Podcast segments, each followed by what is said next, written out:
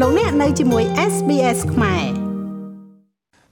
ចំណែកសេចក្តីរាយការណ៍មួយទៀតនិយម2កម្ពុជាបន្តរកឃើញករណីឆ្លង COVID-19 បំលែងថ្មីប្រភេទ Omicron 10នាក់ទៀត។កាលពីថ្ងៃទី4ខែមករាក្រសួងសុខាភិបាលកម្ពុជាបានប្រកាសពីការរកឃើញអ្នកឆ្លងជំងឺ Covid-19 ចំនួន10អ្នកទៀតជាសះស្បើយ11អ្នកនិងស្លាប់ម្នាក់កាលពីថ្ងៃទី3ខែមករានៅកម្ពុជាក្នុងនោះអ្នកឆ្លង Covid-19 ថ្មីទាំង10អ្នក គឺជាករណីនាំចូលពីក្រៅប្រទេស និងជាប្រភេទ Omicron ទាំង10អ្នក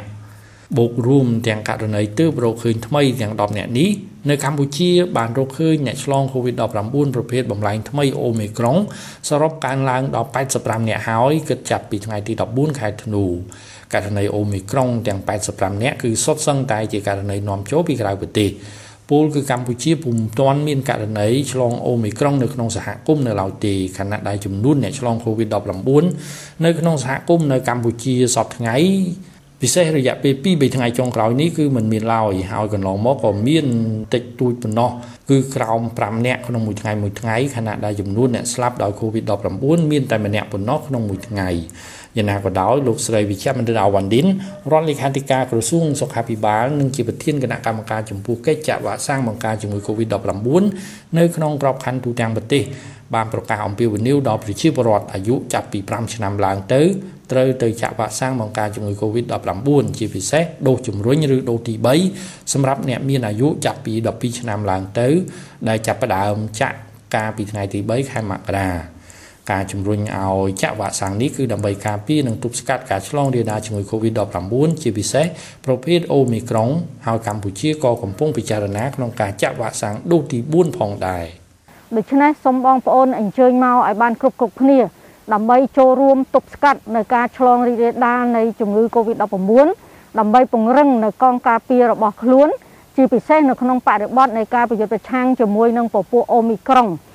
បន្ថែមលើនេះទៀតខ្ញុំសូមអនុញ្ញាតអំពាវនាវទៅដល់បងប្អូនដែលមានបញ្ហាជំងឺប្រចាំកាយក៏ដូចជាស្ត្រីមានផ្ទៃពោះនិងស្ត្រីដែលបំៅកូននឹងទឹកដោះសូមអញ្ជើញមកទទួលវ៉ាក់សាំងឲ្យបានគ្រប់គ្រប់គ្នា ពីព្រោះក្រុមនេះគឺជាក្រុមដែលរត់តែមានតម្រូវការនៃការទទួលយកនៅវ៉ាក់សាំង COVID-19 ជាពិសេសនៅក្នុងការចាក់នៅដូជំរុញឬក៏ដូទី3របស់យើងនេះចឹងខ្ញុំសង្ឃឹមថាបងប្អូនប្រជាពលរដ្ឋនឹងអញ្ជើញមកចាក់នៅតាមទីតាំងមន្ទីរពេទ្យរដ្ឋរបស់យើងមានមន្ទីរពេទ្យខេត្តមន្ទីរពេទ្យជាតិក៏ដូចជាមណ្ឌលសុខភាពដែលមាននៅទូទាំងប្រជាណាចក្រកម្ពុជារបស់យើង របាយការណ៍របស់ក្រសួងសុខាភិបាលបង្ហាញថាគិតត្រឹមថ្ងៃទី3ខែមករានៅទូទាំងប្រទេសកម្ពុជា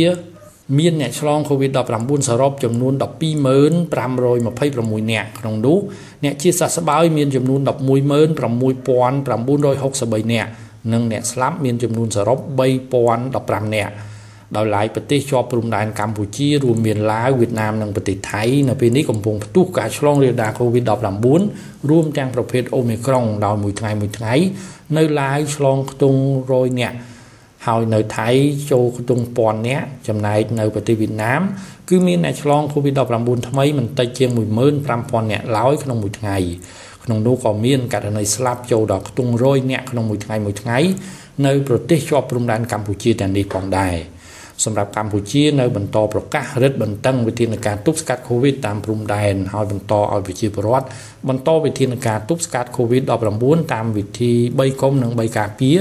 តាមរយៈការពាក់ម៉ាស់ទាំងអស់គ្នាលាងសម្អាតដៃឲ្យបានញឹកញាប់និងរក្សាគម្លាតសុវត្ថិភាពជាដើមប៉ុន្តែការរស់នៅនិងការជួបជុំដើរលេងជិតឆ្ងាយនៅកម្ពុជា គឺមិនត្រូវបានហាមឃាត់ទេខណៈដែលការពីចុងសប្តាហ៍មុន ចំថ្ងៃឆ្លងឆ្នាំនិងចូលឆ្នាំសកលថ្ងៃសុក្រថ្ងៃសៅរ៍និងថ្ងៃអាទិត្យគឺមានអ្នកជួបជុំដើរលេងកំសាន្តរហូតដល់ជាង1លានអ្នកនៅទូទាំងប្រទេសកម្ពុជាប៉ុន្តែมันទាន់មានករណីផ្ទុះឆ្លង COVID ក្នុងសហគមន៍ឬក៏នៅតំបន់ណាមួយនោះទេខ្ញុំម៉េងផល្លា SBS ខ្មែររាយការណ៍ពីរាជធានីភ្នំពេញចង់ស្ដាប់រឿងក្រៅបែបនេះបន្ថែមទៀតទេ ស្ដាប់នៅលើ Apple Podcast Google Podcast Spotify ឬកម្មវិធីដទៃទៀតដែលលោកអ្នកមាន។